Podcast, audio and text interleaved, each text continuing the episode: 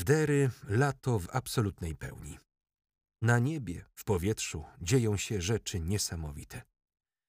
Niespotykane i niewidziane przeze mnie dotychczas. Pada deszcz, świeci słońce. Leje jak na wyspach, a za trzy minuty słońce świeci jak w Afryce. To wszystko do momentu zachodu słońca. Zapach słońca, szczególnie podczas zachodu, nie pozwala zostać w domu. Taki smak traconych sekund przytrafia się ostatnio codziennie. Czasami, gdy niebo całe od stóp do głów pokryte jest deszczowymi, ciężkimi chmurami, zachód słońca jest po prostu przechodzeniem dnia w noc, życia w czuwanie, zmęczenia w odpoczynek, tempa w pauzę. Na niebie widać wtedy tylko spokojne, wyważone i trudne do uchwycenia kolejne nakładane przesłony na rzeczywistość. Przesłony te nie są jednak jak w aparacie. Tutaj podczas zachodu słońca w obecności ciężkich chmur przesłon jest tysiące. Zmieniają się co sekundę. Czasem można postanowić być świadkiem takiego spektaklu dla wytrwałych. Siedzi się wtedy na kanapie bardzo cierpliwie i spokojnie i dosłownie nie spuszcza się z oczu tego, jak robi się powoli ciemno. Niestety w tym przypadku jest dokładnie tak jak z małym dzieckiem, z którym mieszka się pod jednym dachem. Nie zauważamy tego, jak rośnie, bo nie jesteśmy w stanie wykazać różnic. Jest może trochę wyższe, ale to tyle. Wystarczy jednak odejść od okna na moment po sok, kawę, banany, pomarańcze, czekoladę, wrócić i zastać ciemność. Jest jeszcze drugi styl zachodu słońca. Tutaj za każdym razem człowiek czuje się jakby uczestniczył w czymś niesamowitym, przygotowywanym przez grupę największych malarzy świata. Nie ma mowy o pomyłce. Wszystko od początku do końca, krok po kroku, odcień za odcieniem, kolor za kolorem, ton za tonem schodzi równomiernie, szlachetnie, pachnąco i z niesłychaną precyzją przechodzi w noc. Najpierw chmury skupione, dumne, ogromne, ciężkie, ale nie deszczowe, prezentują się na całej szerokości nieba. Stoją wręcz w miejscu, czekają na nieuniknione. Kilka trudnych do określenia chwil później na lewym skraju horyzontu dwie ogromne chmury z nieskazitelnej bieli zmieniają kolor na delikatny pastelowy różowy z domieszką niebieskiego. Kolor jest na tyle interesujący, że warto mu się przyjrzeć dokładnie. Nie jest to złożony, wielowarstwowy kolor. Najciekawsze w nim jest to, że powinien być ciepły, utulający do snu dzieci, które po dobranocce biegają, skaczą, bawią się, czując, że do snu jest tuż, tuż, a energia pozwala jeszcze na pięć minut szaleństw, by uznać gdzieś wewnątrz, prawie nieświadomie, dzień za niestracony. Kolor chmur na lewym skraju horyzontu nie jest jednak ciepły. Niebiesko-szary ucina zdecydowanie spekulacje, czy właśnie tam, na skraju horyzontu, rozgrywać się będzie przedstawienie? Nie. Rozgrywać się będzie tu, przed moim domem. Nie sposób sobie wyobrazić siły, która właśnie rozpędza chmury. Jeszcze przed momentem były tu tylko same białe kłęby. Słońce dryfowało gdzieś nad nimi ze szczerą ciekawością, co kryje się po drugiej stronie ziemi. Teraz słońce wpadło w dwie złożone, kłębiaste, przed chwilą dumne i udające groźne chmury. Teraz dwa obłoczki. Rozpędziły się na dwie strony, szukając wsparcia wśród pozostałych składowych nieba. Zamiast szykować odwet, okazało się, że ten mechanizm ze sobą nie walczy. Wręcz przeciwnie. Żyje wręcz we wspaniałej harmonii. To niesłychane, ale to wszystko dzieje się szybko i wolno zarazem. Elegancko, wytwornie, zgodnie z planem i spontanicznie. Nigdy chaotycznie.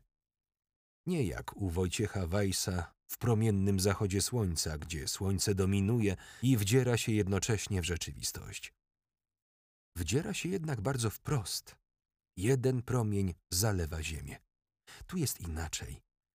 Nic bezpośrednio już na nas nie świeci. Kolory, proporcje i czas, w jakim cały obraz zmienia się, wdziera się w naszą świadomość, w naszą wrażliwość i nie pozwala oderwać wzroku. Przyglądając się chmurom okalającym zachód słońca, to znaczy tym na lewej i prawej stronie horyzontu, to zachód słońca Juliusza Klewera z 1909 roku wydaje się zbliżony. Tutaj chmury okalające przyjmują kolory od ciężko niebieskich, smacznych, oliwkowych, z domieszką pomarańczy, aż po czarne po lewej stronie horyzontu. Sam zachód nadal jednak jest inny. Nie jest ani klewerowski, ani wajsowski. Jest wręcz impresjonistycznym popisem natury, pokazaniem całej palety na jednym kawałku nieba. Jest nieprzewidywalny, dający bezpieczeństwo i nadzieję. Jest czymś w rodzaju uczucia dojechania na miejsce, zadowolenia i spełnienia. Podziwiając zachód, można być raczej pewnym, że kiedyś to wydarzenie się skończy. Kiedyś słońce zajdzie, świat stanie się chłodniejszy, mniej kolorowy, cichszy i spokojniejszy. Zanim jednak tak się stało, Nieoczekiwanie swoją uwagę zaczęły zajmować budynki, ulica, krawężnik, drzwi zewnętrzne, framugi okien, latarnie, dachy samochodów. Mówiąc krócej, wszystko, co jest w stanie odbić zachodzące słońce. Zwykły krawężnik stawał się jedną szyną od zapomnianej już kolei na dzikim zachodzie. Oknom udało się zachować swoją funkcję, ale były już oknami kutra rybackiego, który nie zdąży zapewne wrócić do portu. Budynki okazały się słabsze niż słońce. Nie udało im się zachować swoich kolorów. Co najdziwniejsze, nie udało się nawet powiedzieć, że kolory budynków i słońca zmieszały się. Słońce było tak mocne, że po prostu narzuciło swój kolor wszystkiemu, co było w stanie je odbić. Ulica, samochody, latarnie to wszystko świeciło pomarańczowo, czerwono, żywym, ale zgaszonym, przytłumionym przez filtr chmur kolorem. W pewnym momencie wszystkie składowe tego obrazu stojące w dole ulicy zaczęły powracać do swoich kolorów, by po chwili wszystkie stać się ciemnymi, czarno-szarymi formami, przedmiotami, które zamiast patrzeć na zachód słońca, musiały zacząć nadsłuchiwać nocy. Chmury zaczęły wracać powoli i ospale na miejsce słońca. Słońca, które pożegnało się właśnie z dniem w Irlandii na mojej ulicy. Oczy zrobiły się senne. Zerwał się lekki wiatr, a czas zaczął odmierzać długie godziny do ponownego pojawienia się światła. Wróciłem do Galway. Zastanawiam się, dlaczego prawie wcale tu nie piszę. Naturalnie piszę eseje dotyczące kolejnych reżyserów filmowych, pisałem listy miłosne, może nawet scenariusze. Nie pisałem jednak tak, jak piszę teraz. Strasznie szkoda. Galway daje mi codziennie w kość. Szczególnie dlatego, że wrzuciłem się sam pomiędzy studiowanie, pracę w pubie, o której później, tęsknotę, a zakochanie się. To ostatnie z perspektywy ostatnich trzech lat było błędem. Błędem, którego tamtym razem nie udało mi się uniknąć. Całe powikłania, zbyt lekarsko lub może konsekwencje tego błędu ciągnęły się jeszcze przez trzy lata. Drogo mnie to wszystko kosztowało. A może tyle to zazwyczaj kosztuje? W Galway dokonała się we mnie przemiana dotycząca stosunku do kultur. Mogę nareszcie przyznać, że Galway przysłużyło się czymś dobrym. Nie tylko udomowionym oceanem, żenującym pojęciem Celtic Tiger, ale i moją pracą w pubie. W pubie The Front Door pracowałem przez pięć miesięcy.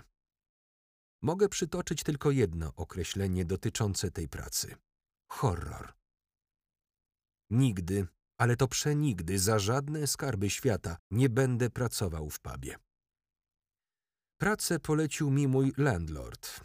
Jego przyjaciel był właścicielem pubu. Praca wydawała się interesująca, a ja sam byłem dość podekscytowany tym, że poznam pub od kuchni.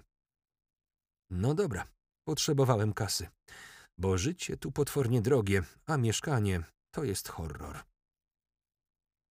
Pamiętaj, wycieraj podłogę. Pamiętaj, nie pozwól, by zbite szkło na podłodze leżało dłużej niż minutę. W front door zbierałem szklanki. Ludzie, jeśli można ich tak nazwać, tłoczyli się już od siódmej wieczorem. Ja przychodziłem o ósmej wieczorem i wracałem do domu około godziny szóstej rano. Miałem zawsze jakieś dwie godziny na sen i na zajęcia. Zajęcia były zawsze o dziewiątej rano. Zbieranie szklanek to nie jest proste zajęcie. Oczywiście może być i proste, jak zawsze. Wszystko zależy. Zależy to bowiem od pory dnia i doświadczenia. Ja pory miałem najgorszą z możliwych, czwartek, piątek i sobota i żadnego doświadczenia. Mój szef, George, wprowadził mnie dość szybko w tajniki mojej pracy. Dostałem szafkę, skonfigurowałem kod dostępu i sposób logowania się do pracy. Szybko polska kelnerka pokazała mi to i owo. Wyglądało super. W teorii. Na sucho. Bez ludzi. Na ósmą przyjechałem na rowerze. Zostawiłem w moim B&B całą gromadę rozbawionych ludzi, którzy właśnie zaczynali razem gotować. Włoch pokazywał właśnie, w jaki sposób się gotuje makaron, a Misu wyjmowała swoje czarodziejskie narzędzie do robienia ryżu. Wszystko to przy szumie oceanu i muzyki z radia BBC Classics. Zawsze tak jest, że najgorzej jest wyjść z domu. Po kilku ruchach pedałami gnałem już Lower Salt Hill w stronę pubu. Rower przypiąłem od bezpiecznej strony i zalogowałem się do pracy. Byłem dokładnie o 19.58. Poszedłem na górę. Dostałem ciemno-czerwoną koszulkę polo z napisem Front Door i zszedłem na dół. To było chyba jedyne miejsce w Galway, gdzie momentami rozmawiałem po polsku. Były jeszcze dwie dziewczyny na moim piętrze pracujące na takim samym stanowisku. Zacząłem zbierać szklanki. Po jakichś dwudziestu minutach pomyślałem, że praca nie jest zła. I jeśli tak to ma wyglądać, to... Co ty tu, kurwa, robisz? Popierdoliło cię? Krzyknęła na mnie Milena czy Marlena. Nie zapamiętałem imienia. Ale że co? Zapytałem, trzymając jakieś osiem szklanek włożonych jedna w drugą. Kurwa, zapierdalaj na górę, tam jest syf i nie ma już sajderów. Pobiegłem na górę. Szklanki oddałem Marlenie albo Milenie. Na górze był tłum. Ludzie przepychali się do baru. Trzech barmanów obsługiwało razem może piętnaście osób. Byli w transie. Nie mogłem w to uwierzyć, bo ja sam nie rozumiałem ani słowa z tego, co mówią ludzie. Nie było czasu na przysłuchiwanie się. Zbierałem szklanki, myłem podłogę mopem, znów szklanki, aż wreszcie stała się rzecz straszna. Kiedy odkładałem szklanki na bar, któryś z barmanów zaczął składać zamówienie. Wymieniał tylko liczby i jakieś nazwy drinków. Dostałem klucz i poszedłem do magazynku na półpiętrze. Otworzyłem i nie mogłem uwierzyć. Tam były porozrzucane niezliczone ilości butelek piw, cydru, wódki, coli, soków, Red Bulli. Stałem tak przed tym rzędem butelek i skrzynek.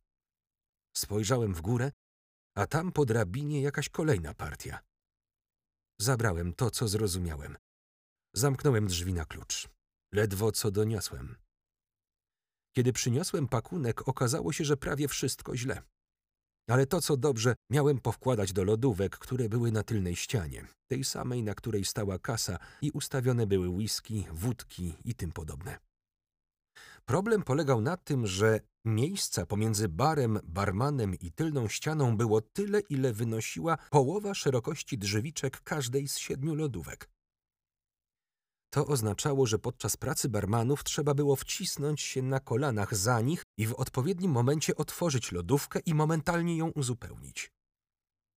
To wszystko działo się pod presją czasu i natłoku ludzi, którzy na przemian krzyczeli Guinness, Carlsberg, wodka Orange, Coke on Ice i tym podobne. Włożyłem co się dało, wstałem i dostałem następne polecenie. Idź po lód. Jezu, przecież to niemożliwe. Nie da się tak pracować. W tym pubie jest osiem stanowisk, trzy piętra, na każdym stanowisku pracuje trzech barmanów. To nie jest pub. To jest maszyna do wlewania alkoholu w ludzi. Barmani zbierają równocześnie do czterech zamówień, zapamiętując, podając nie krzycząc i dostając ogromne napiwki. Tłum napiera nieustannie. Idź kurwa po lód, nie słyszałeś? Ja pierdolę. To już był Grek. Menedżer, właściciel. Dwa lata później dowiedziałem się, że zginął w wypadku helikoptera. Już idę, tylko chciałem powiedzieć, że nie zgadzam się, że... W tym momencie Grek złapał mnie za gardło, cisnął mną o drzwi, aż te się otworzyły i wylecieliśmy razem na zewnątrz. Nie puścił mojego gardła, ściskał, ale nie bolało mnie jakoś bardzo. Nigdy, przenigdy nie dyskutuj ze mną w obecności klientów. Okej, okay, przepraszam, odparłem. Bałem się, nie da się ukryć. Wyszliśmy i każdy poszedł w swoją stronę. Ja pobiegłem na dół po lód. Do ogromnego plastikowego pudełka zacząłem nabierać łopatką lód. Pudełko przypominało takie na pranie dla pięcioosobowej rodziny. Lód ładowałem tam jakieś pięć minut. Ledwo co podniosłem. Szedłem na górę po schodach, żeby nic nie upuścić. Było to tak ciężkie, że skojarzyło mi się, jakbym niósł Arktykę na swoich barkach. Wszedłem wreszcie na samą górę. Uniosłem pudło do przenoszenia upranych rzeczy nad głowę i lawirowałem nim nad tłumem ludzi. Kątem oka zobaczyłem George'a. Widział mnie. Uśmiechnął się, pokiwał z aprobatą głową. Zrozumiałem, że czasem nie ma co dyskutować ani bronić własnego honoru, bo tam nie o honor czy zasady szło. Nie bronię go. Zachował się jak chuj, ale poniosły go emocje. Przeprosił, nie ma co tego drążyć, przeżywać, analizować. Za kilka miesięcy nie będę tu pracował. Chcę tylko przetrwać jakoś tego cholernego celtyckiego tygrysa, bo jak nie, to wszyscy pójdziemy z torbami. Po drugie, chcę gdzieś pod skórą doświadczyć właśnie tych emocji. Może kiedyś zrobię film, a scena będzie działa się w pubie. Lepiej przeżyć to na własnej skórze, niż wymyślać i udawać, że w takich miejscach nie ma napięć. Są, i to wielkie. Doczłapałem się wreszcie z tym lodem do baru. Kazali położyć na barze i że sobie stamtąd wezmą. Wzięli. Barman położył pudło wypełnione Arktyką obok zlewu. Ktoś się upił. Była dwudziesta trzecia trzydzieści. Popchnął kogoś innego, ten inny osunął się na barze, strącając szklanki wprost do pudła z lodem. Teraz oprócz Arktyki było tam jeszcze szkło. Barman wziął pudło i wywalił wszystko do zlewu. Idź po lód, tu jest pełno szkła, powiedział do mnie. Jebać to wszystko, pomyślałem i poszedłem znów pod ziemię szukać bieguna północnego.